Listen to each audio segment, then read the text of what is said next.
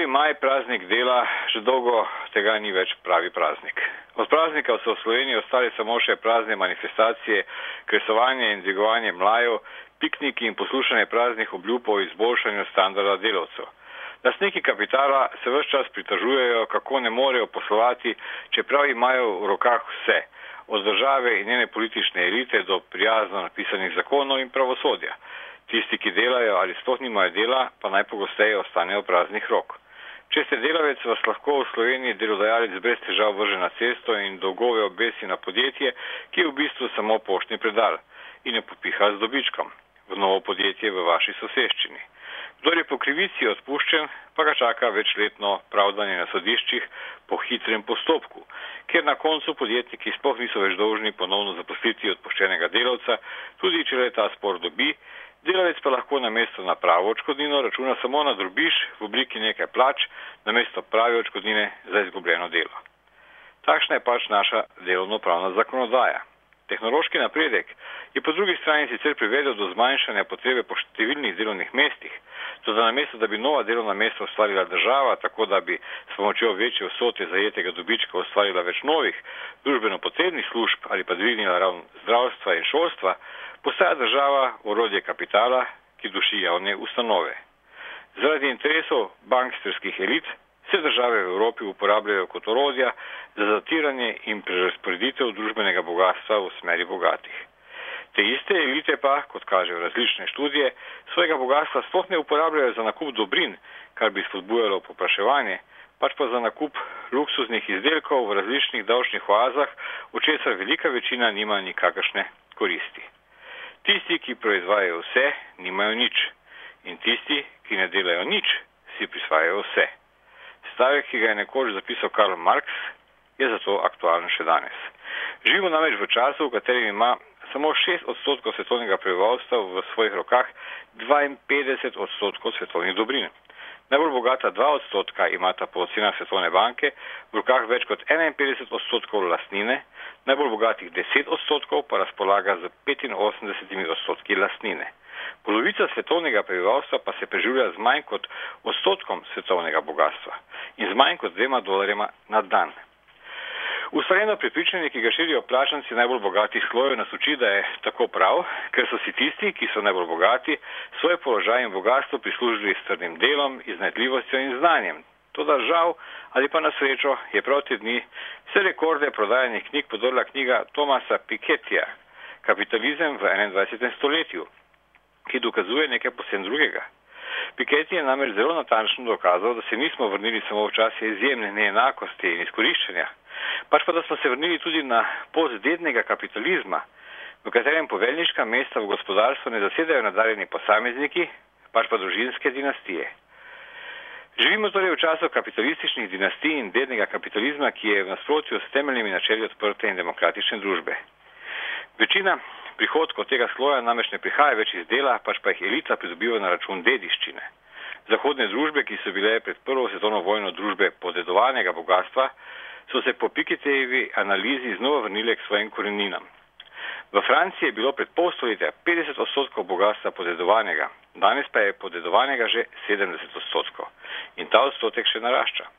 Biti rojen v pravi družini in pripadati pravemu razredu je znova postalo pomembneje, kot pa imeti pravo delo, biti delaven ali nadarjen. Nekaj podobnega potrjuje tudi nedavna študija raziskovalcev univerz v Princetonu in univerze Northwestern, ki je v analizi 1800 ukrepov ameriške vlade med leti 1981 in 2002 dokazala, da so politike in ukrepe ameriških vlad v veliki večini primerov skladni z interesi bogatih ter njihovih interesnih skupin in to še veliko bolj kot pa skladu z željami pretežno revne ali vsaj revnejše večine prebivalcev. Lahko se samo vprašamo, kakšni bi bili rezultati podobne ankete, ki bi jo izvedli v Sloveniji in ocenili ravnanje slovenske vlade med leti 1991 in 2014. V kolikšni meri so bile v zadnjih letih upoštevane zahteve delavcev in v koliko primerih zahteve elite? Skoraj da nikakršnega dvoma ni, da bi bili rezultati tudi v Sloveniji zelo podobni.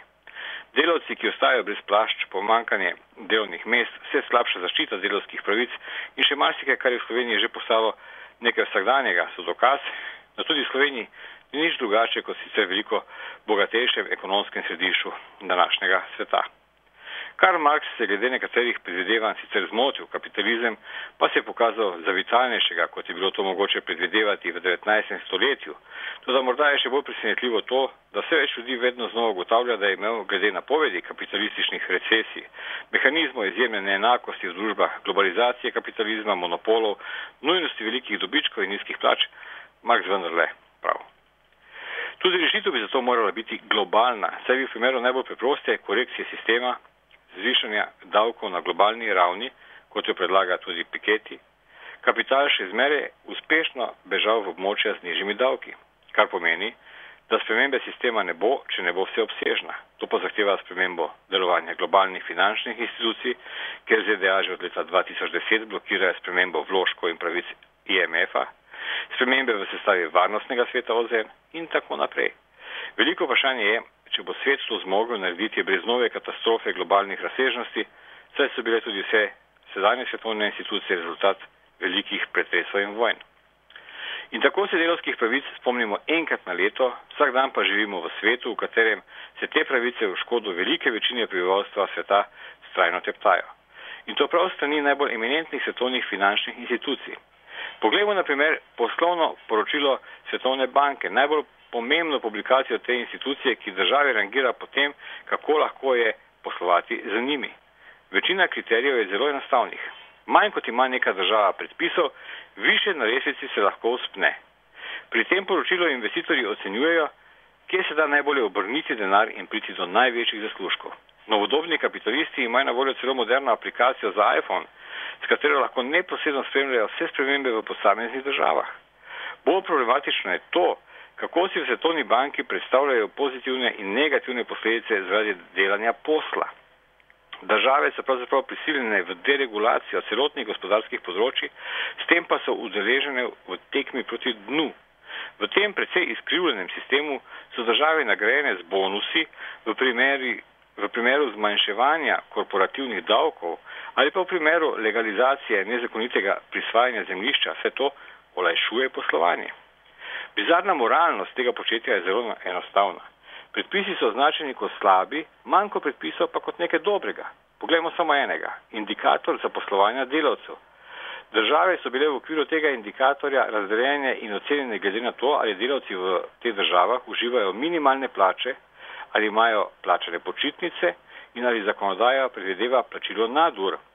V skladu s poročilom z zenečim naslovom Doing Business je bilo vse opisano skupaj s plačilom očkodnine za odpuščene delavce, označeno kot nekaj slabega in kot nekaj, kar je potrebno odpraviti, da bi bilo poslovanje lažje.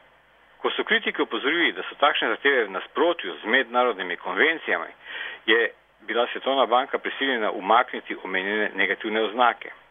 Ostali pa so številni drugi enako nevarni kriteriji. Države, ki imajo urejene davke na kapital, dobiček, dividende ali nepremičnine ali finančne transakcije, so označene s slabšimi ocenami kot tiste, ki teh davkov nimajo. Države, v katerih morajo investitorji plačevati za infrastrukturo ali odvoz smeti ter okoljske takse, so označene z nižjimi ocenami kot tiste, ki to zahtevajo.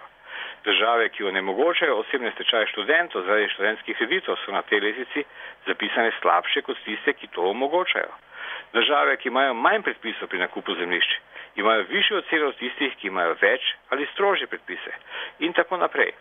Vse to države spravlja v položaj tekmovak za zniževanje kriterijev ter za status davčnih oas in prispeva k nezakonitemu begu kapitala iz nerazvitih v razvite države v višini 859 milijard dolarjev samo v letu 2010.